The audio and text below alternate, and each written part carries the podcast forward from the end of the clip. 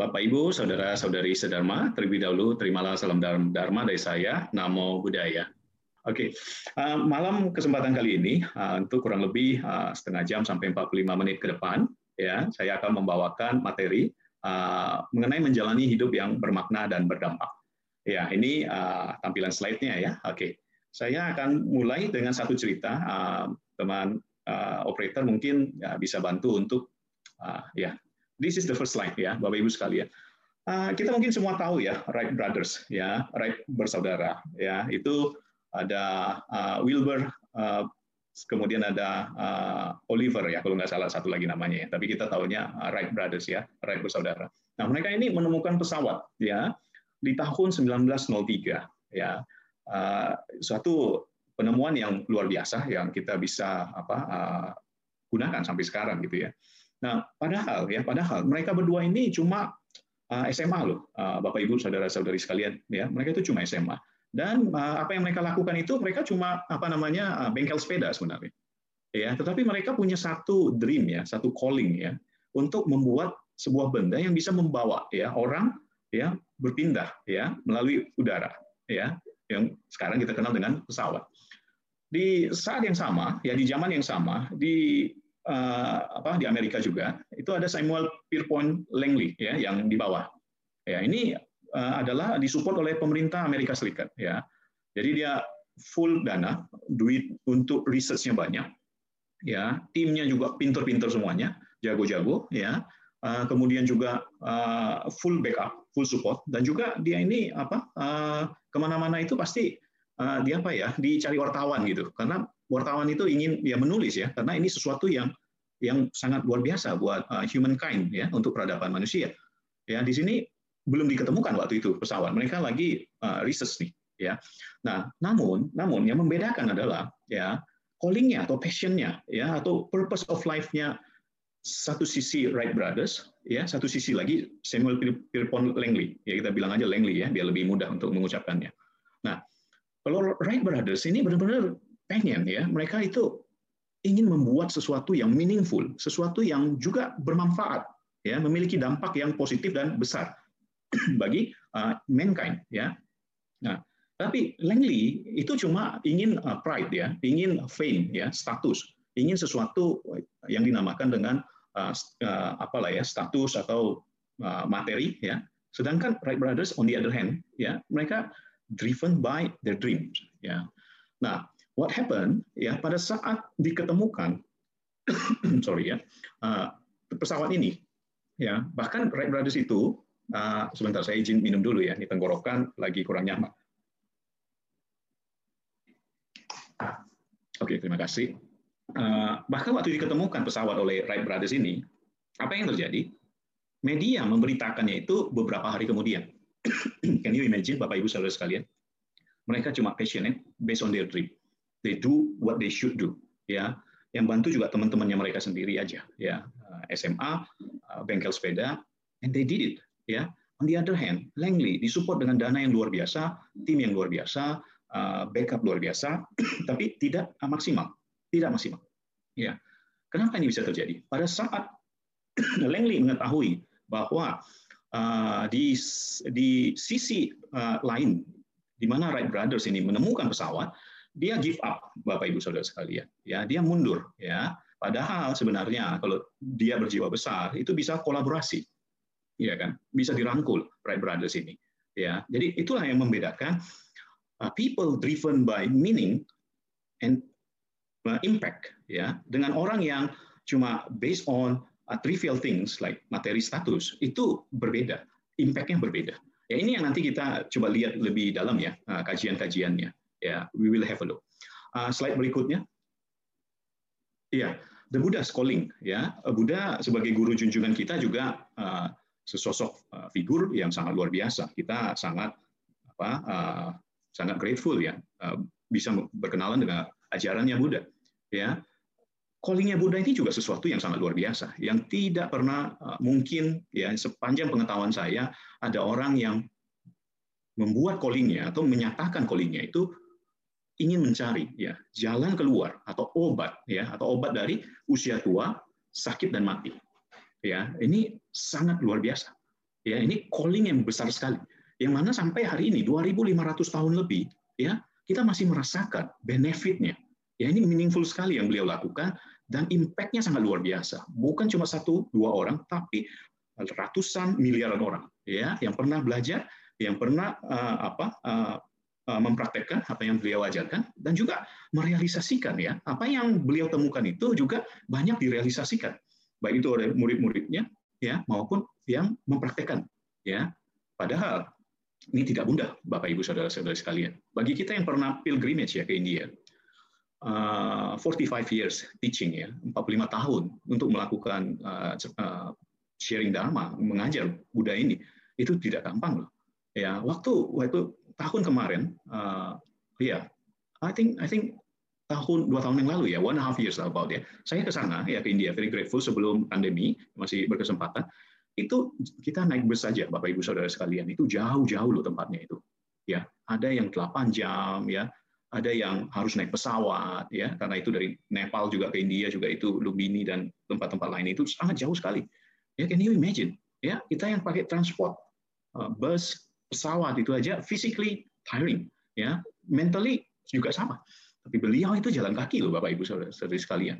Kalau tidak di-driven oleh meaningful life untuk memberikan uh, impact kepada uh, mankind atau uh, human being, ya ini tidak akan bakal terjadi. Suruh kita jalan misalnya dari rumah kita sekarang ke Damasuka, wihara kita tercinta, dengan kondisi hujan kayak begini, uh, we will think twice.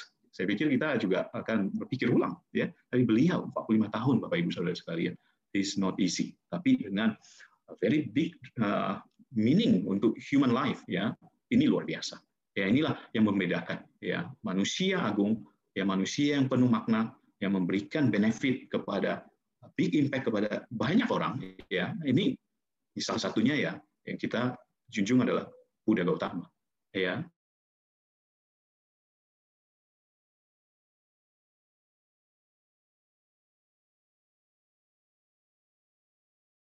berikut. Oke, okay. ini happiness framework ya. Nah, Bapak Ibu Saudara sekalian, uh, izinkan saya untuk menampilkan juga hasil-hasil research atau model ya. Jadi mungkin gaya ceramah saya atau sharing dhamma saya agak berbeda dari uh, penceramah-penceramah yang lain gitu ya. Biasanya di sisi awal saya akan tampilkan yang daily-nya, uh, research-research-nya, baru nanti at the end saya akan cover dari sisi uh, Buddhisnya gitu ya.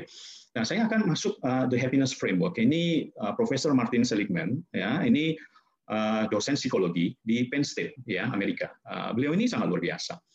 Beliau ini tahun 98 mempopulerkan ya yang namanya positive psychology. Jadi bedanya dengan psikologi yang lain apa? Kalau psikologi yang as usual, yang sebelum uh, dipopulerkannya positive psychology ini uh, lebih menekankan pada uh, mental illness gitu ya atau uh, stress, depression, hal-hal yang berhubungan dengan mentality ya. Kalau kita boleh bikin satu garis ya, garis ini satu garis, titik nolnya di tengah ya. Kalau yang uh, bilanglah di psikologi yang lama itu from negatif membawa orang supaya kembali ke titik nol gitu ya ke titik nol. Nah, positif psikologi itu lebih membring people ya ke arah yang positif ya ke arah yang positif ya seperti uh, uh, grateful ya sesuatu yang benevolent ya sesuatu yang baik ya. Uh, dan juga uh, banyak sekali sekarang ini mereka melakukan research ya. Baik itu mindfulness uh, baik itu uh, loving kindness compassion compassion itu banyak sekali bapak ibu saudara sekalian ya. Banyak yang lain-lain lagi. Nah ini the good thing ya. Uh, Profesor Martin Seligman ini uh, berdasarkan researchnya beliau itu membagi ya happiness itu dalam tiga tingkatan. Yang pertama itu yang merah disebut dengan pleasant life ya. Itu lebih kita indulge ya. Kita memenuhi kebutuhan uh, physically kita ya. Uh, kalau yang kedua itu disebut dengan good life itu naik levelnya lagi. Di situ kita melakukan apa yang kita cintai ya. Baik itu pekerjaan atau apa pun yang kita lakukan sehingga kita engage kita menyatu dan kita mengalir ya dengan apa yang kita cintai yang dilakukan tersebut. Nah yang ketiga itu meaningful life ya. Sesuatu yang lebih besar tujuannya bukan hanya untuk diri kita sendiri tapi spektrum yang lebih luas. Ya, ini inilah yang ingin kita bicarakan dalam sesi malam hari ini. Ya, jadi ingat model ini akan kita bawa terus selama kita sharing dharma pada malam hari ini. The pleasant life the good life and the meaningful life ya. Yang paling bottom itu adalah pleasant life yang in the middle itu adalah good life baru ke pleasant life ya. Uh, sorry meaningful life yang ketiga ya.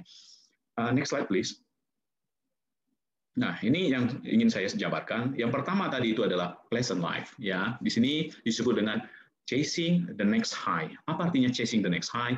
Ya, seperti kita ketahui, uh, setiap manusia itu punya panca indera. Ya, secara umum orang tahunya itu five senses atau panca indera, lima indera. Tapi kalau kita Buddhis ada six, ya, kita ada satu lagi yaitu pikiran gitu ya. Tapi kita cover uh, dari sisi five sensesnya dulu. Ya, perhatikan nggak Bapak Ibu saudara-saudara sekalian bahwa manusia biasanya itu akan selalu haus gitu ya, tanha ya atau menginginkan lebih ya.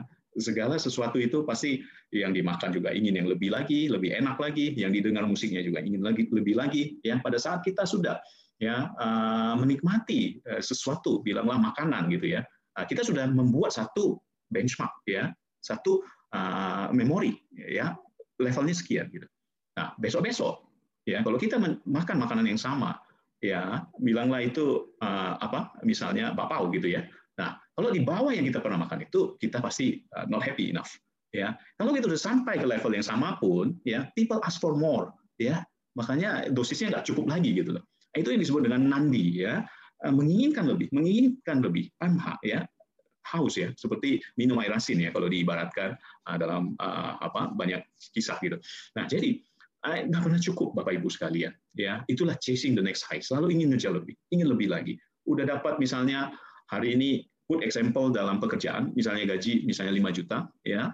Pada saat dapat 5 juta, kita happy karena naik dari tiga setengah juta misalnya. Tetapi the next month atau the next uh, six months, ya kita menjadi itu biasa saja. I need more, ya kita need more lagi, need more lagi, selalu gitu. Ya perhatikan nggak whatever whatever we eat, whatever we listen, whatever we wear, ya kita selalu menginginkan lebih. Nah inilah yang disebut dengan pleasant life. We indulge ya ourselves. Yang mana ini tidak akan pernah berkesudahan, Bapak Ibu saudara-saudari sekalian. Kalau kita tidak mengerti Buddha Dharma, kita cuma mengikuti uh, keinginan saja, ya, yang nggak ada habisnya. Oke, okay? nah, ini ini satu hal ya yang coba kita uh, apa namanya uh, bahas dari sisi pleasant life ya, chasing the next high. Kita selalu ingin lebih lagi, ingin lebih lagi, ingin lebih lagi. Oke, okay? ini yang mana akan membawa ujung-ujungnya pada penderitaan. Ya, ini akan membawa pada penderitaan. Kenapa? Karena basically yang namanya indera ya bahkan dikatakan kita harus simple hidupnya. Ya, dalam Karania Metasuta juga disebut sederhana hidupnya, tidak sibuk. Ya, eh, terkendali ya indera-indera kita ini. Ya, kalau nanti teruskan itu tidak ada habisnya, eh, siap-siap kita akan lebih ya painful ya, lebih suffering gitu. Oke. Okay? Uh, bedakan antara needs kebutuhan ya dengan wants keinginan. Needs itu kita cukup ya yang sandang pangan papa. Tapi wants itu tidak pernah berkesudahan ya. Kita ingin lagi ingin lagi ingin lagi. Oke okay? that's the first uh, pleasant life ya penjelasannya. Uh, slide berikutnya tuh. Nah the good life ya kita uh, masuk ke kedua nih ya. Tadi kan hmm, pleasant life sekarang kita naik tingkat nih kedua a good life. Ya, di sinilah yang kita ngeflow, kita mengalir, kita apa namanya engage ya, kita menyatu karena kita mencintai apa yang kita lakukan itu. Ya, kita mencintai. Nah, Bapak Ibu Saudara sekalian, uh, bisa dilihat di sini ada uh, bagian diagonal yang putih, ya itu daerah flow, ya itulah yang mengalir. Artinya apa? Artinya antara level tantangan dengan level kemampuan itu setara. Ya, kita kita lihat lebih jelas lagi di slide berikutnya ya. Oke, next slide dulu ya, next slide. Still talking the same thing ya. Yang tadi ya modelnya itu sama dengan yang di kanan yang warna merah putih dan uh, grey ya uh, abu-abu. Yang menemukan uh, flow ini adalah Profesor Mihaly Csikszentmihalyi Mihaly. Ini juga co-founder dari Profesor Martin Seligman tadi. Beliau ini adalah dosen, profesor yang mengajar di Chicago University, ya di, di Amerika. Nah, Bapak Ibu saudara-saudari sekalian perhatikan, ya. Um, Kongce pernah berkata seperti ini kan, kalau kita melakukan pekerjaan yang kita suka, kita tidak akan berasa kerja sehari pun. Ya, karena kita mencintainya, kita engage, kita tidak merasa itu kerja. Mengalir, ya. Pernah nggak bayangkan Bapak Ibu Saudara-saudari sekalian, uh, apa namanya? Kalau kita do our hobby ya, our hobby. uh, hobi kita bisa macam-macam, gardening misalnya, atau uh, exercise ya, atau video game ya, whatever it is. Ya. Misalnya ambil contoh video game, ya, gaming. Ya, kita level satu oke, okay, easy. Ya, level 2 makin sulit, level 3 makin lebih sulit lagi, level 4 lebih sulit lagi. Tapi bagi pecinta video game, ya, ini sebagai disebut dengan challenge, tantangan, ya. Mereka tidak mengatakan ini problem, ya. Ini adalah challenge, ya. Challenge buat mereka itu lebih tertantang, mereka itu lebih bergairah, ya. Jadi mereka lebih bergairah, ya. Bukan ketemu satu tantangan challenge kemudian nggak bisa, kemudian mutung, ya, atau give up, ya. Raise the white flag, no, ya. Inilah yang mereka yang menyatu, baik itu yang suka gardening, yang suka misalnya cooking, yang suka misalnya uh, fixing uh, motorbike atau uh, mobil atau whatever yang disukai itu itu betul-betul menyatu. Nah inilah konsep flow yang di research oleh Mihaly. Ya intinya Bapak Ibu sekalian apa? Pilihlah dalam hidup kita ini ya yang vital few ya yang penting yang menghabiskan waktu paling banyak dalam hidup kita ini harus kita pilih yang baik-baik yang paling penting. Yang baik itu apa? Contoh pekerjaan ya. Yang memakan waktu banyak apa? Pekerjaan ya. Normal time adalah 8 jam ya kan? Bekerja setiap hari 8 jam. Uh, lunch break satu jam itu artinya sudah 9 jam ya. Bilanglah kita lembur ya setiap hari kita nggak mungkin tank pulang kan tenggo istilahnya kita pasti ekstra say one, one hour gitu ya berarti itu udah 10 jam Jakarta is a big city traveling time itu bisa home office saja satu jam and the other way around itu bisa satu jam lagi artinya dua jam untuk transporting ya commuting Total satu hari untuk pekerjaan aja didedikasikan itu 12 jam. Artinya apa Bapak Ibu Saudara-saudara sekalian? 12 jam dari 24 jam itu sama dengan 50 persen. Betul nggak? And berita buruknya, dan ada berita baiknya juga. Berita buruknya, kalau kita salah, ya tidak memilih sesuai dengan calling kita, sesuai dengan passion kita, sesuai dengan mission of life kita, can make sure 50% of our life kita itu akan hidup dalam penderitaan karena kita tidak suka dengan apa yang kita lakukan. Can you imagine, Bapak Ibu Saudara sekalian? That's why, that's why. Hal-hal kayak gini kita perlu untuk mengetahuinya lebih awal, lebih dini. Jadi anak-anak kita, younger generation, kita harus uh, temu kenali their passion, their calling, what's their purpose, what they like. Jadi kita bisa arahkan lebih awal. Ya, jadi mereka itu lebih uh, tahu, mereka lebih enjoy. What is the purpose of this life? ya happiness I think we should put it as the first priority ya bahagia ya karena kita bahagia itu ngeflow sekali seperti yang Mihaly katakan ngeflow sekali ngalir sekali menyatu sekali dengan apa yang dilakukan true Bapak Ibu saudara sekalian ya jadi jangan lagi ada yang namanya ikut-ikut teman kalau kuliah salah jurusan wow that's really pity ya uh, apalagi misalnya senangnya uh, jualan gitu sebagai tenaga marketing, tapi kerjanya sebagai accounting. Ah, that's really, can you imagine? Pasti nggak akan happy. 50% of the life itu akan live in that stuck state, ya, keadaan yang uh, tidak menyenangkan. Oke, okay? Itu penting sekali, ya, itu vital, itu vital yang harus kita kelola, kita harus memilih, ya. Nah, saya balik ke chartnya Mihaly, ya, saya balik ke chartnya Mihaly. Uh, dalam hidup ya dalam hidup ya kenapa banyak orang stres? Selain tadi salah memilih ya uh, jadi nggak sesuai dengan alignment hidup purpose dari hidupnya juga karena rendahnya capability. Nah, ini penting harus digarisbawahi bapak ibu saudara-saudara sekalian. Kemampuan capability skill ya ambil contoh seperti ini ya misalnya kalau kita disuruh berenang kita belum bisa berenang ya. Harus ambil nilai misalnya besok karena kita masih sekolah. Put example ya. Stres nggak bapak ibu saudara sekalian? Stres kan? Ya pasti tertekan ya. Kenapa? Karena level tantangannya bilang segini kemampuan kita di bawah ini pasti akan gap ini menyebabkan kita itu akan stres tertekan. Apa yang harus kita lakukan bapak ibu saudara sekalian kita harus naikkan kemampuan ini kemampuan berenang ini sampai setara dengan level dari tantangan tersebut. Inilah yang disebut oleh Mihaly itu adalah sebagai flow mengalir. Ya mengalir ya.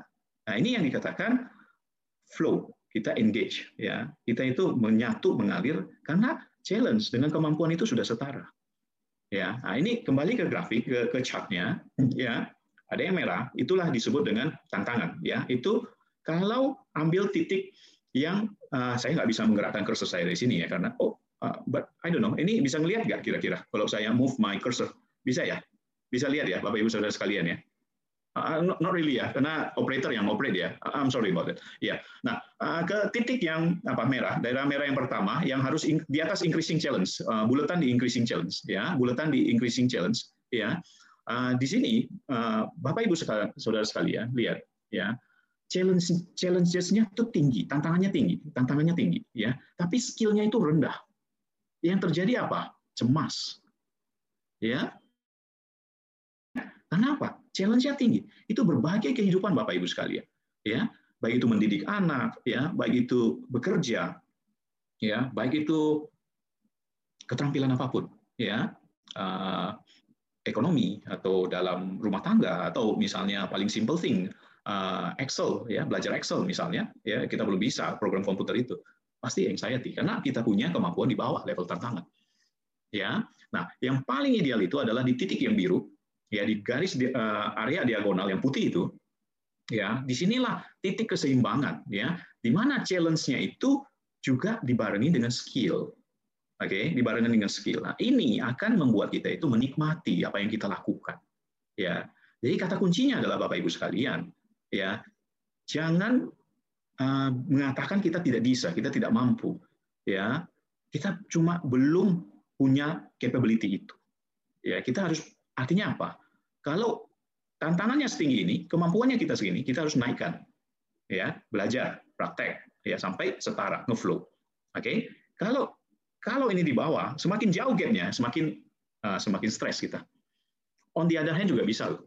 Ya, bagaimana Pak? Kalau yang terjadi adalah kemampuan kita ya lebih tinggi daripada level tantangan yang ada. Misalnya kita main bulu tangkis dengan anak SD, kita udah jago nih main bulu tangkisnya, tapi anak SD-nya belum. Nah, itu akan menjadi boredom, Bapak Ibu sekalian, bosen. Nah, apa yang dilakukan kalau kayak begitu? Ya, itu lebih baik meningkatkan level challenge yang baru. Oke? Okay? Ya, cari satu tantangan yang baru. Kalau berbisnis misalnya, ya buka usaha yang baru lagi. Jadi jadi selalu terjaga. Naik, kita naikkan skillnya. Oke? Okay? Jadi selalu setara.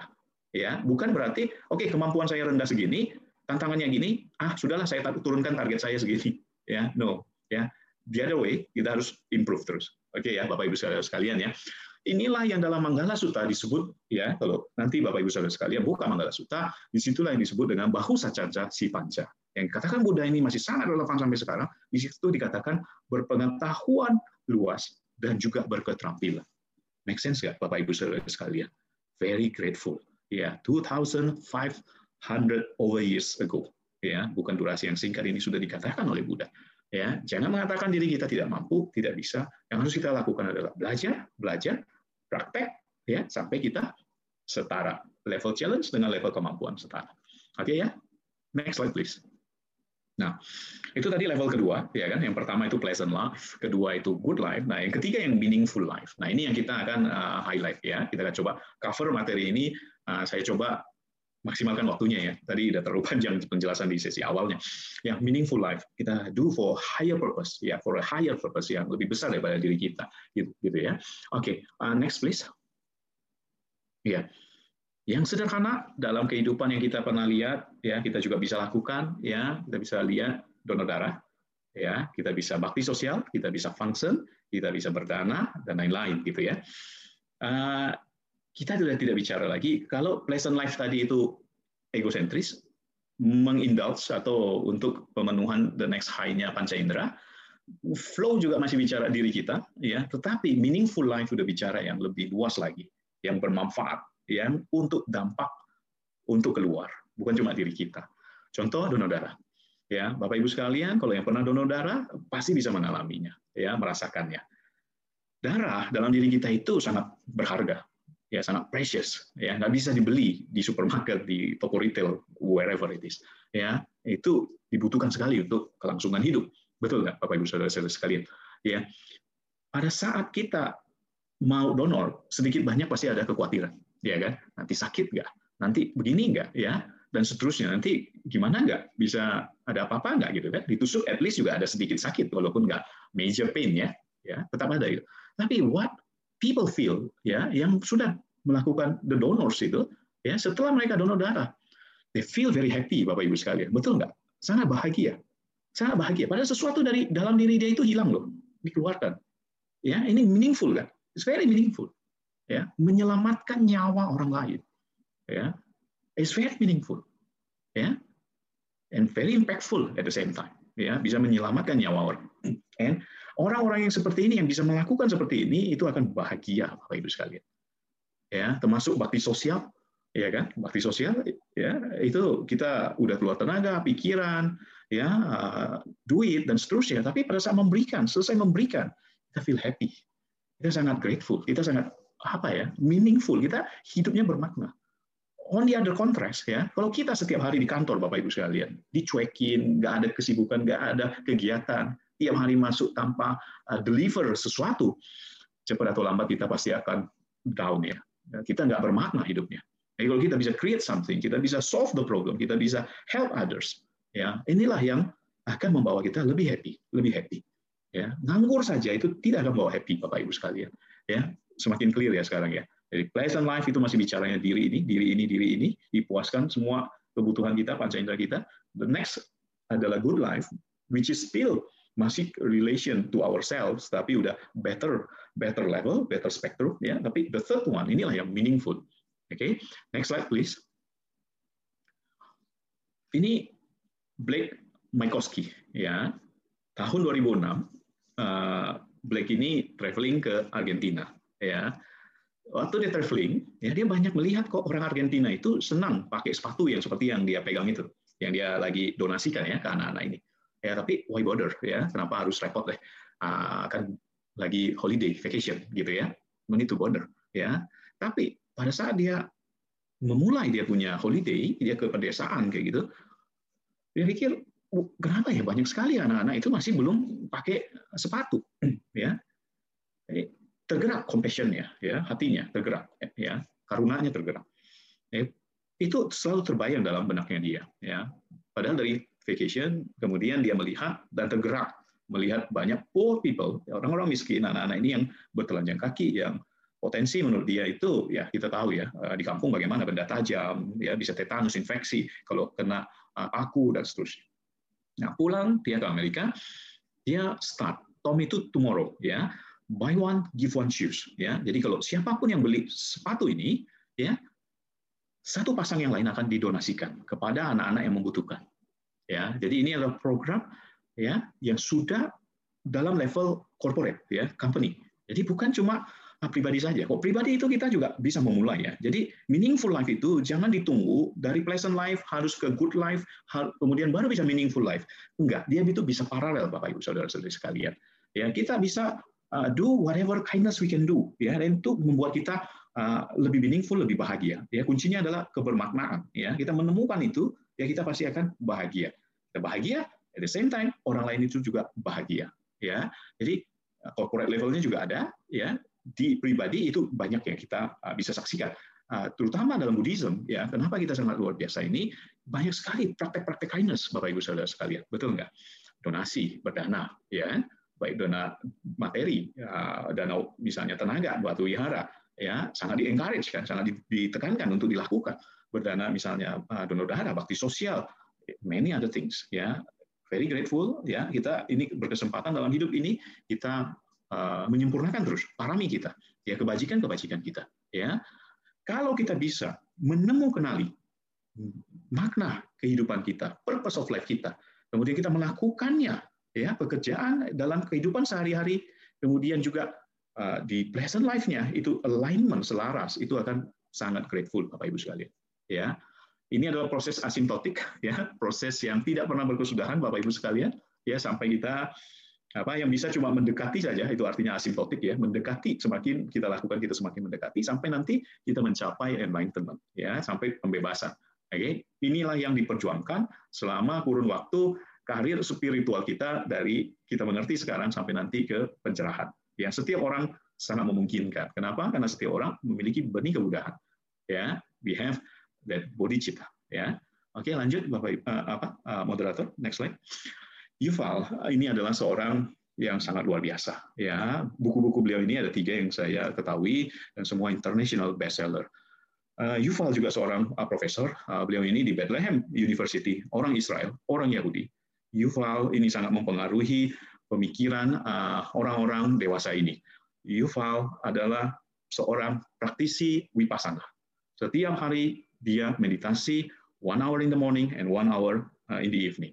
Dan setiap tahun pasti meluangkan waktu dari yang biografi yang saya baca uh, kurang lebih 10 hari retret ya. Ini Yuval mengikuti Goenka ya, meditasinya Goenka ya. Sangat luar biasa sekali. Bukunya Sapiens, History A Brief History of Mankind ini luar biasa sekali, Bapak Ibu sekalian. Yang ya kalau mau tahu ya, saya nggak tahu apa Bapak Ibu Saudara sekalian, kalau waktunya kita lewat dari 45 menit, bagaimana? Boleh nggak? karena ini apa senang cerita jadi apa boleh ketik di komen ya jadi kalau boleh silakan. Ya kalau kalau kalau kita lewat atau terlalu panjang ada ada kesibukan lain ya feel free ya feel free. Ya uh, Yuval bisa begitu tajam melihat ini apa namanya uh, dia bisa menulis buku yang begitu luar biasa ini. Itu karena juga karena ketajaman fokus dan juga dari latihan uh, meditasi wipasana ya dia mengakuinya itu. Ya nah satu yang saya teringat sekarang tentang dari tulisan apa yang dikatakan Yuval ini adalah kita itu sekarang ini manusia modern ya, dia mengatakan menderita itu kenapa? Ya karena selalu chasing the next high. Ya, yang seperti yang tadi pleasant pleasant life tadi, chasing the next life. Apa the next high, ya. Ingin dipuaskan terus panca inderanya, tangannya, ya, nandinya juga, ya. Itu nggak pernah apa namanya berhenti. Nah, itu terjadi kalau dulu sebelum uh, masa agraria ya, itu orang masih ya eh, berburu dan juga memetik ya eh, biji-bijian, buah-buahan gitu. Eh, cukup makan, habis baru pergi lagi mencari makanan. Ya. Tapi pada saat mulai masuk masa agraria, ya tidak nomaden lagi berpindah-pindah, menetap di satu tempat gitu, ya orang akan dipaksa untuk kerja lebih lama, lebih keras gitu ya. Contohnya apa? Membajak, ya. Kemudian apalagi menanam, menyiram dan seterusnya. Orang menetap kemudian berkeluarga, memiliki kebutuhan. Berlanjut lagi keinginan itu berlanjut terus, ketemu mesin uap, semakin di, uh, banyak lagi tuntutan, keinginan dan seterusnya. Ya sampai ke sekarang juga kita bisa lihat ya. Jadi kalau ada sesuatu yang kita boleh salahkan ya, kita kenapa begitu sulit dalam kehidupan ini sekarang ya? Karena ya ini keinginan kita ini nggak pernah habis. Dan mungkin Bapak Ibu Saudara sekalian pernah dengar cerita ya atau berita ya di di internet atau media sosial ya orang sampai berani mau ya menjual ginjalnya untuk iPhone yang baru, yang terbaru, which is ridiculous, ya, ya sesuatu yang precious badan kita nggak bisa men men menciptakan lagi ginjal, ya, sedangkan iPhone itu cepat atau lambat bakal rusak gitu. Nah inilah kita dipaksa terus, dipaksa terus, ya, ya kita juga masuk dalam jebakan ya. Yang disebut dengan jebakan kenyamanan tersebut ya. Ini yang kita hadapi sekarang. Kita sangat sulit untuk menggive up ya melepaskan ya apa yang kita sudah nikmati. Contoh aja smartphone, Bapak Ibu Saudara sekalian. Ya, dulu kita nggak ada smartphone, ya kita pakai yang namanya uh, telepon yang masih Nokia, ya ada Nokia pisang dan lain-lain yang masih cuma sebatas SMS. Tetapi kalau ditanya sekarang, oke, okay, uh, mau nggak kita balik, ya pakai Nokia pisang, jangan pakai smartphone, enggak. Most people will say no. Ya, termasuk saya juga lahir di kampung gitu ya, uh, ada AC, nggak ada aircon, ya, that's fine, ya, that's fine. Tapi nowadays people mati lampu, ya, mati listrik, anak nggak bisa tidur, masuk ke mobil, nyalain aircon. Betul, Bapak Ibu Saudara sekalian? Ya disuruh kita balik. Oke, okay, kamu nggak usah terlalu menderita, ya balik dengan zaman dulu. Nobody wants. Ya, kita lebih baik kerja sibuk, cari duit, pontang panting untuk memenuhi kita punya basic needs yang terus meningkat. Tuntutan itu terus meningkat. Ya nggak heran kita semakin ya dalam lingkaran red race. Ya. Nah, In this context yang ingin saya sampaikan, apa yang dikatakan Yuval adalah happiness is not the surplus of pleasant over unpleasant moments. Ya, rather happiness consists in seeing one's life in its entire as a meaningful and worthwhile. Jadi happiness kebahagiaan itu bukan surplus, ya lebih banyak yang yang pleasant, yang nyaman, ya dibandingkan dengan yang tidak nyaman atau tidak mengenakan. Namun bahagia itu ya sama nih ceritanya mereka ini semua ahli-ahli ini ya itu lebih kepada sesuatu yang meaningful ya bernilai dan berdampak ya semuanya ngomongnya benang merahnya sama Bapak Ibu sekalian. Ya kalau kita meaningful itu kunci dari happiness. Ya sudah mulai nangkep lah ya kurang lebih ya. Oke okay? next next slide please. Nah Sekarang bagaimana caranya kita untuk menuju ke meaningful life tersebut, ya kan? Eh, tadi kan konsepnya, tapi gimana kita bring the concept into ourselves, gitu. Nah, ini model dari Stephen Covey, ya Bapak Ibu sekalian bisa lihat di sini. Ini ada yang disebut dengan kita sebagai manusia pasti pasti perlu materi ya, perlu materi untuk hidup, ya untuk memenuhi kebutuhan fisik kita. Jadi again, pleasant life sama kan? kurang lebih ya bicaranya mereka-mereka ini. Ya, berikutnya itu orang membutuhkan untuk belajar, Bapak Ibu sekalian. Knowledge-nya supaya nambah, intelektualitas dia bertambah, gitu ya. That's to learn, ya. Ini kebutuhan gitu, ya. Kemudian kita itu ketiga ini to love, ya. Bagaimana kita mencintai, muncul empati kita, ya, muncul kecintaan kita terhadap what we do and to others, ya. That's to love, ya. Kemudian yang keempat itu to leave a legacy, ya bagaimana kita memberikan impact ya memberikan dampak yang baik ya bukan cuma ke diri kita tapi ini skala yang lebih luas lagi ya. Nah bapak ibu saudara sekalian eh, mulailah eh, cari mulailah temu kenali purpose of life kita misi hidup kita dalam hidup ini apa kita ingin hidup yang seperti apa ya. Kemudian kita memberikan dampak yang seperti apa ya kita mulai gali dari empat pertanyaan ini ya. Kita butuh ya untuk hidup kita butuh materi kita perlu kaki masih menjejak di bumi ya ya kita harus lakukan hal-hal yang juga selaras ya dengan empat hal ini. Jadi kemudian kita perlu belajar juga ya setelah kita menentukan purpose kita ya kita ingin lakukan apa kita belajar ya. Kalau ini selaras semuanya bapak ibu sekalian that's very beautiful ya. Jadi to live itu hubungannya lebih ke fisik badan ya. To learn itu lebih ke knowledgeable intellectual side kita ya mind kita pikiran ya thought ya uh, mind bahasa Inggrisnya lebih ke batin ya pikiran kita. To love is our heart a warm heart hati yang hangat yang bermakna ya. Yang keempat itu yang to live ya a legacy. Ya kita apa impact yang kita berikan kepada uh, banyak orang ya di luar diri kita. Oke okay, uh, tools yang bisa membantu kita dari Coffee. Next next slide please. Nah calling purpose of life ini adalah gambaran besar dari misi hidup kita ya. Sesuatu yang lebih besar daripada kita sendiri ya. Bukan cuma for me for me aku saya ya tapi bigger bigger than me ya. Nah untuk mengetahui atau mencari calling atau purpose itu ini panduan linguistic questions-nya bisa digunakan Bapak Ibu Saudara sekalian ya. Saat Anda santai, Anda hening, Anda lagi nggak ada kesibukan yang banyak, first thing, tanyakan untuk apa saya hidup di dunia ini repeat the questions. Untuk apa? Ya, untuk belajar, untuk do something more remarkable, untuk apa? Ya. Another questions, kalau nanti saya meninggal, saya ingin dikenang sebagai apa? Ya, waktu saya belajar ini di Amerika, ya, wow, ini nonjok banget gitu, nggak pernah ya. Ya, memikirkan sampai meninggal, kemudian ingin orang lain kenang kita itu sebagai apa, Bapak Ibu Saudara-saudara sekalian. Apakah kita ingin dikenang di sini uh, hidup orang yang mengeluh saja tentang hidupnya, atau seperti Gus Dur, Gus Dur is very very great person ya. Di batu nisannya itu ditulis here lies a humanist. Ya betul sekali kan. Beliau itu callingnya, purpose hidupnya kan seperti itu kan. Di sini terbaring seorang humanis. Ya, nah, kita ingin dikenang sebagai apa? Ya, ini orang yang meninggal hutangnya belum bayar, misalnya belum lunas. Atau di sini orang yang senang berbuat kebajikan, ya, yang senang dengan dharma, senang dengan apa uh, meditasi, senang berbuat kebajikan yang untuk orang banyak, whatever. Oke. Okay. Ya, bisa juga pertanyaan untuk apa semua yang saya kerjakan ini. Ya, keempat, legacy atau warisan apa yang ingin saya tinggalkan atau saya ingin wariskan, saya berikan kepada orang banyak atau saya lanjutkan. Itu sebabnya kenapa mereka-mereka yang super rich ya kayak Bill Gates, Warren Buffett, ya dan seterusnya, ya mereka senang filantropis, apa mereka senang berbagi, senang berdana, ya sampai miliaran sampai triliunan ya.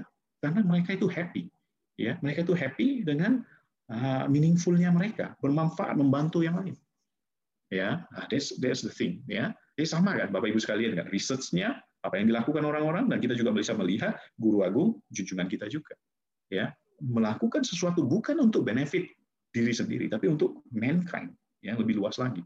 Ya ini yang Martin Seligman sekali lagi katakan gunakan strength kita virtues kita, nilai-nilai kebajikan kita, cari itu ya untuk melayani sesuatu yang lebih besar daripada diri kita. Ya, kalau belum ketemu, don't worry, ya. Ini proses yang tidak satu hari ketemu langsung, ya. Ini proses asimptotik yang terus kita mencari, menanya, ya, berproses yang adalah kita nanti akan semakin mendekati. Oke? Okay? Always have that kind of thinking in our mind. What is our purpose here? Ya, bukan cuma ngabisin beras berkarung-karung, bukan cuma wasting the time, uh, wasting the money, ya, but something else we want to do not only for ourselves but for our can can be from our family first, yeah, small family, yeah, larger, bigger family, yeah, to the society, yeah, organization, yeah. Start from that at first, yeah. Okay, next. Uh, berikutnya, ah, ini ikigai. Ikigai sangat luar biasa juga, Bapak Ibu sekalian. Jadi saya berikan panduan-panduannya ya, Bapak Ibu sekalian ya, karena uh, Buddha pun waktu mengajar mengatakan kalau lagi lapar ya makan dulu lah gitu kan. Karena kalau orang lapar ya itu nggak akan bisa menyerap gitu ya.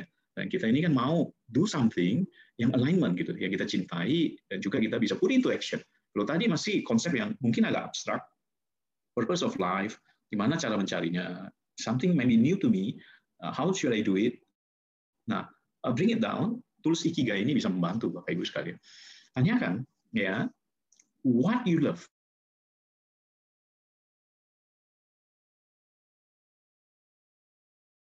Tulis saja apa yang kita suka tulis saja.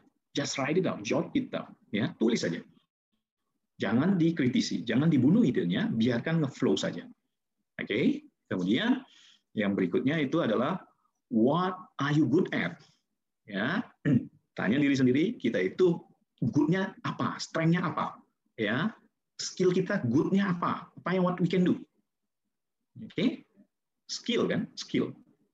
Prince Siddhartha atau Bodhisattva itu juga belajar ya. Belajar apa? Berkuda memanah sesuai dengan zaman. Betul kan? Math ya dan seterusnya ya. Eh, kita juga harus memiliki uh, skill ya kemampuan ya untuk survival untuk bisa aktualisasi diri di saat sekarang ini. Ask what you are good at ya. Kemudian tanyakan lagi what the world needs? Apa yang dibutuhkan dunia? Atau lebih kecil lagi apa yang dibutuhkan orang-orang? Solusi apa yang bisa kita deliver untuk menyelesaikan masalah mereka? Oke, okay? kemudian ini what you can be paid for ini adalah untuk monetary-nya. Supaya kita juga uh, karena kita masih membutuhkan ya uh, financial support ya tentu kita tidak ingin memberatkan orang lain gitu kan? Ya ini kita empat spektrum ini kita bisa buatkan ya dalam satu uh, ini uh, Excel ya. Empat itu bisa di sebelah kiri ya di sebelah kanannya itu tuliskan nanti apa profesi yang Anda ingin atau pekerjaan atau bisnis yang Anda ingin lakukan. Misalnya arsitek atau web developer atau juga ya ini saya put investor saham contoh ya uh, disclaimer on ya I don't uh, encourage people yang belum ngerti kemudian melakukan transaction gitu ya. Ya etc etc you do it ya. Kemudian anda lakukan scoring bapak ibu saudara sekalian ya what you love di bidang arsitek what is your number ya dari zero zero very uh, rendah ten is the highest ya untuk web developer dan seterusnya. Kemudian what are you good at, ya skill, scoring juga sendiri, ya what you can be paid for, kemudian what the world needs. Ya, nanti anda bisa totalkan di bawah. Ya, dalam slide ini kepotong ya, di bawahnya itu ada totalnya. The highest score, uh, ya, that's uh, a very good uh, apa uh, leads towards your ikigai. Ya, jadi yang mana yang paling tinggi, ya itu akan semakin membantu. Ya, itu akan membantu kita untuk mencari ikigai kita. Ya, paham ya kurang lebih Bapak Ibu Saudara sekalian ya. Oke, okay, next slide please. Nah, uh, ini yang saya katakan tadi, uh, we cover uh, semua model research yang relevan ya, kemudian kita masuk ke Buddhism. Ya, dalam Dhammapada 183, syari 183 disebut di situ sama papasa karana, usalasa upasang pada, cita parioda parang, etang budam sasama. Ya, apa yang dikatakan di sini? Artinya tidak melakukan segala bentuk kejahatan, senantiasa mengembangkan kebajikan dan membersihkan batin. Inilah ajaran para Buddha. Ya, ini adalah missionnya para Buddha. Ya, ini adalah callingnya para Buddha. Ya, semua Buddha pasti akan seperti ini. Ya, melihat nggak? Ya, udah tidak melakukan kejahatan lagi, baik untuk diri sendiri, ya maupun ke orang lain. Jadi kita harus first thing kita harus love ourselves dulu, menyayangi, mencintai diri kita dulu ya. Kalau kita tidak menyayangi diri kita, tidak merawat diri kita, bagaimana kita bisa mencintai orang lain gitu kan? Ya, we do, don't do harm not only to others, sentient being. Kita juga sentient being, kita juga makhluk. Love ourselves and love others.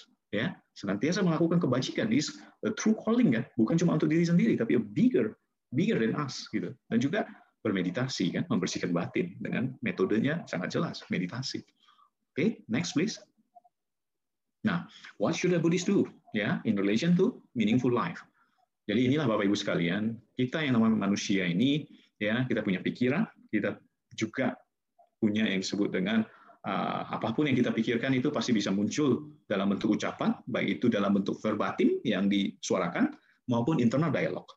Ya, ini sangat penting Bapak Ibu sekalian. Ya, apa yang diucapkan keluar oke, okay, tapi jauh lebih penting lagi apa yang sering kita omongkan dalam hati kita, self talk kita, internal dialog kita.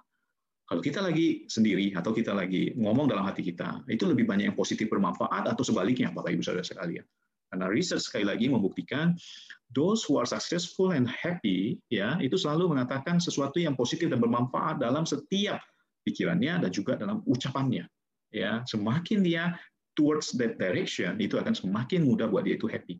Nah, on the other hand, yang tidak happy, yang gagal dan seterusnya, the way they think is the other way around, sebaliknya, dan apa yang diucapkan juga tidak bermanfaat, ya, tidak membawa pada uh, kebahagiaan. Aku tidak bisa misalnya contoh hidupku selalu miserable. Ya, aku dari keluarga miskin nggak mungkin aku keluar dari kemiskinan ya. Uh, orang-orang tidak fair terhadapku. Kenapa hidupku kayak gini? Kenapa begitu? Kenapa begitu?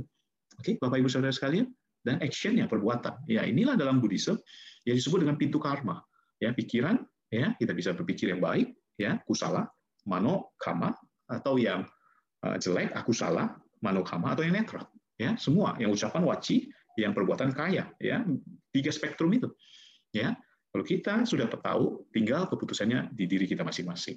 Oke, okay? nah ini Bapak Ibu sekalian harus dibalut day to day-nya dengan mindfulness. Ya, dengan mindfulness, ya kita aware, kita here and now, ya senantiasa sadar, ya sati. Ya, at the end ini kita menjadi parameter kita, ya Brahma Wihara ini kita itu berkembang nggak, Bapak Ibu Saudara sekalian? Meta, loving kindness kita berkembang nggak? Compare to ourselves ya, jangan compare to others ya ini bukan uh, kompetisi menang-menangan uh, lawan orang lain. No, we are introspecting ourselves. Are we better in terms of meta uh, today than yesterday or the uh, the last year ones? Ya, loving kindness kita tumbuh nggak, berkembang nggak? Kemudian karuna kita, compassion kita tumbuh berkembang nggak? Ya, bedanya meta dengan compassion, karuna adalah kalau meta kita wishing, ya kita menginginkan makhluk lain itu happy ya, berbahagia, happy. Tapi kalau karuna kita mengharapkan makhluk lain itu keluar dari penderitaannya. Ya, jadi udah mulai melihat ya perbedaannya. Kayak teman misalnya kena COVID, kita menginginkan dia sembuh, ya keluar dari penderitaan itu, itu namanya karuna. Kalau kita melihat misalnya ada hewan atau anjing di pinggir jalan luka kakinya, kita ingin dia segera uh, ini uh, keluar dari penderitaan tersebut, itu karuna. Nah, lihat diri kita itu tumbuh nggak Brahma ini? Ya, uh, muditanya tumbuh nggak? Muditanya, uh, joy ya, kita bahagia melihat uh, orang lain, ya kebahagiaan orang lain, ya kebahagiaan, pencapaian, kesejahteraan orang lain dan lain-lain gitu. Ya, tumbuh nggak? Atau kita masih sirik gitu, dengki, iri dengan achievement orang lain. Ya, itu artinya belum belum bagus. Kita harus improve lagi. Kemudian uh, UPK, ketenang, ketenang seimbangan kita, batin kita gimana? Ya, praktis ya. Apakah kita lebih tenang seimbang ya? Lebih towards that direction enggak? Oke. Okay? Uh, that's about it. Ya, yeah. next slide please. Nah, ini yang di uh, very good sutta yang disebut dengan Bahia Sutta ya. Ini sutta tentang meditasi Bapak Ibu Saudara sekalian. Ya, ini uh, petapa Bahia waktu itu merasa dirinya itu sudah suci ya, tetapi uh, temannya dari alam dewa mengatakan belum ya. Jadi kaget Bahia. Bahia pertama memakai jubah kulit kayu. Nah, what happened then? Ya, Bahia menanyakan kepada temannya harus belajar pada siapa. Nah, Buddha ada di uh, apa tempat lain cukup jauh gitu kan ya uh, temannya mengatakan pergilah belajar sama Buddha nah, di situ ya setelah ketemu tapi timingnya nggak tepat bapak ibu sekalian karena Buddha dengan rombongan anggota sangga sedang berpindah patah ya Buddha menolak pertama permintaan pertama ya kedua kali mengulangi permintaannya itu Buddha kembali menolak nah ketiga diminta baru Buddha mengatakan oke okay, lakukan ini bahaya dalam apa yang dilihat hanya ada yang terlihat dalam apa yang terdengar hanya ada yang terdengar dalam apa yang di Eh, rasakan, hanya ada yang dirasakan. Dalam apa yang dipikirkan kognitif, hanya ada yang dipikirkan. Hanya ini dan jalan inilah menuju jalan mencapai nibbana. Dan apa yang dilakukan? Buddha kemudian dengan rombongan berpindah patah, ya bahia melakukan ini dan mencapai kesucian arahat. Ya, singkat cerita, it's a very simple method. Ya, ini tidak lain tidak bukan adalah vipassana. Ya, aware, sati, here and now. Oke, okay, Bapak Ibu Saudara sekalian, next slide please. Nah, ini adalah metamorfosis yang ingin saya uh, sampaikan di sini dari telur, ya, bilanglah ini bakal cikal untuk uh, kupu-kupu, ya. Uh, telur menetas menjadi ulat, ya kan? Nah, fase ulat ini itulah yang tadi kita bahas mengenai uh, indulging, ya, the senses, ya, panca indera kita pemuasan. Lihatlah di fase ulat ini yang paling merugikan, ya, makan terus, ya kan, daun, ya, bolong sana, rusak sini, gitu kan, ya. Tapi pada saat dia selesai, enough, cukup, dia akan masuk ke dalam kepompong, ya, dalam kepompong. Nah, setelah dari kepompong, kemudian dia akan keluar menjadi kupu-kupu yang cantik gitu Ya, nah lihat yang saya ingin sampaikan Bapak Ibu Saudara sekalian, ini bisa kita adopsi dalam hidup kita. Kita di level mana sekarang? Ya, apakah kita kalau di telur mungkin enggak, kita sudah lahir gitu kan? Nah, kita apakah di stage-nya ulat atau kita sudah oh sudah mulai masuk dalam praktek? Ya, artinya kita sudah mulai sitting, ya kita sudah mulai uh, jalankan sila, kita kemudian bawana dan dan seterusnya. Ya lihat ya dalam fase hening itu luar biasa loh. Ada dua fase hening di sini. Satu egg yaitu hening ya itu ada power yang luar biasa karena begitu keluar dari hening tersebut itu menjadi ulat ya berubah bentuk gitu kan. Nah hening yang kedua dalam kepompong itu kemudian keluar dari stage itu menjadi kupu-kupu yang indah. Ya, jadi dalam keheningan ya meditasi itu itu ada proses transformasi batin Bapak Ibu Saudara sekalian ya which is very very useful for us ya makanya jangan lupa kita harus always uh, bring in ya awareness sati dalam our daily routines ya. Next slide please. Nah last slide ya. Nah apa yang harus kita lakukan bapak ibu sekalian sebagai uh, summary-nya? Satu temu kenali ya cari ya calling kita masing-masing ya. Ini adalah proses yang berlangsung terus menerus atau asimptotik ya. Dia akan semakin dekat semakin dekat kalau kita lakukan ya. Endingnya kalau kita sudah menemukannya ya lakukan. Ini sangat worth it ya Nah, jadikan ini satu apa namanya uh, satu tugas kita ya, sesuatu yang sangat menarik untuk dilakukan. Kedua, put into action ya. Uh, jangan cuma dalam konsep teori saja, tataran itu saja, tapi really put into action ya. Cari itu ya. At least you you know the concept already ya. Kemudian bisa sharingkan at least ke anak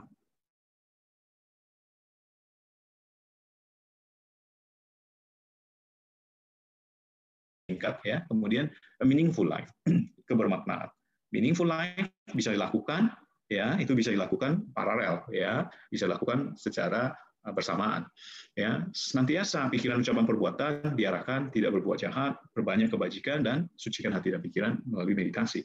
Karena ini adalah proses kita ini adalah calling kita secara uh, Buddhis ya kita seorang Buddhis ya. Inilah karir path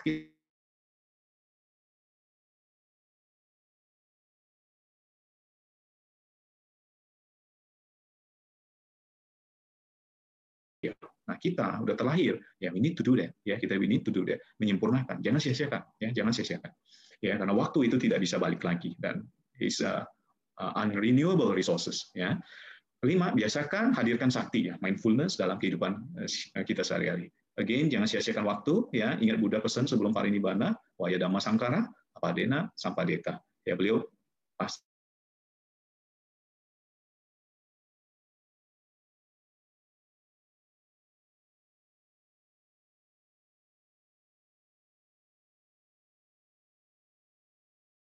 berjuanglah ya. Kita yang harus berjuang berusaha dengan sungguh-sungguh ya dengan berperhatian murni oke? Okay? intinya adalah variati pati-pati dan pati weda ya. Kita belajar kita berlatih dan kemudian kita realisasikan. Demikian bapak ibu saudara-saudara sekalian ya apa yang bisa saya sampaikan pada malam hari ini. Uh, selanjutnya saya kembalikan kepada Alex. Silakan Alex. Selamat malam, nama budaya Romo. Bagaimana membedakan antara self love dengan self indulgence? Self talk dengan apa? Self love self love dengan self indulgence. Self love dengan self indulgence ya. Ya. Oke. Okay. Uh, mungkin satu ini kalau self love harus dilihat dulu self love-nya itu apakah ini lebih ke universal atau ke masih egosentrik gitu ya. Kalau kita bicara meta, itu sudah bicara lebih universal. Nah, itu akan lebih meaningful, itu akan lebih berdampak gitu.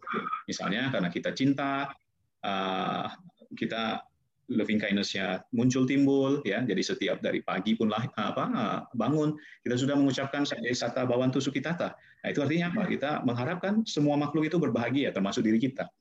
Ya kan? Itu kan berarti sudah universal ya. Bukan cuma oneself bukan cuma our family bukan cuma satu bumi ini tapi universe ya semesta ya. Nah, itu itu self love yang kita towards that direction ya tapi kalau self love-nya individu, ya berarti itu masih kita skop kecil, ya, which is not bad. So, ya kita juga harus menyayangi diri kita, ya kita harus uh, merawat diri kita, karena kita yang bahagia, baru kita bisa berbagi kebahagiaan itu. Karena kita sudah memiliki happiness itu, ya kita bisa berbagi kepada yang lain. Nah, self indulgence ini yang harus kita mulai uh, apa bertahap kita kendalikan ya. Kita uh, mulai aware ya. Kita jangan diumbar gitu. Kenapa? Karena kan kita sudah tahu tadi ya yang disebut dengan chasing the next high itu yang panca indera ini tidak pernah berkesudahan ya. Dia akan selalu again minta lagi ya kan terus lagi ya. Dia baru bisa berhenti itu pada saat kita say enough is enough ya. Kita tidak uh, mengejar terus. Misalnya oh ada makanan enak oh ke sana kita kejar. Oh di sini ada makanan lebih enak lagi oh kita kejar lagi ya hukum bosen kan kita kalau yang belajar ekonomi kan uh, mengetahui itu gitu kan ya. Misalnya kita makan whatever food yang kita tahu ya yang enak. Misalnya apa? Coba Alex mungkin bisa bantu kasih makanan yang enak apa Alex? Yang kamu suka? Kalau saya menurut saya enak sop buntut ya.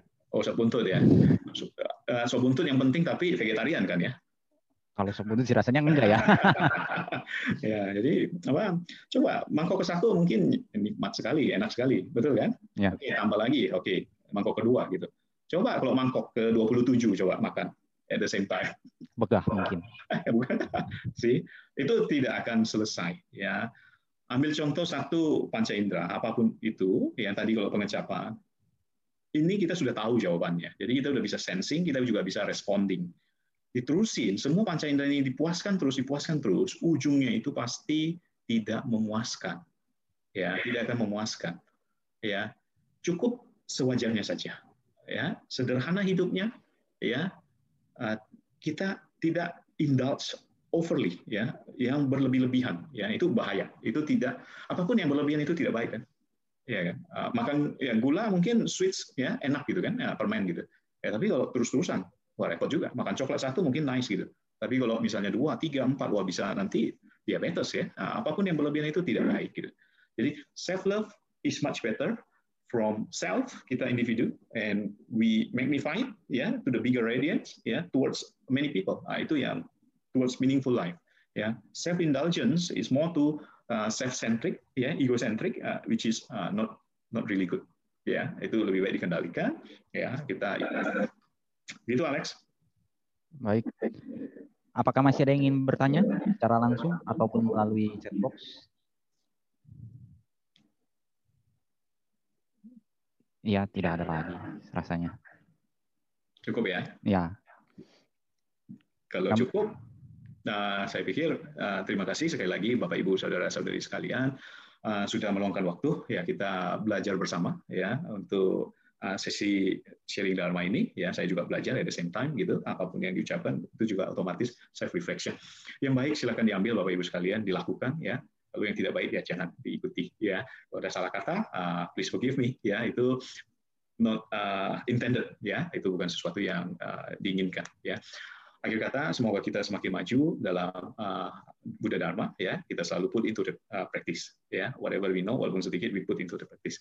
Demikian Bapak Ibu sekalian saya izin undur diri ya. Saya tutup dengan ya. namo buddhaya. Namo buddhaya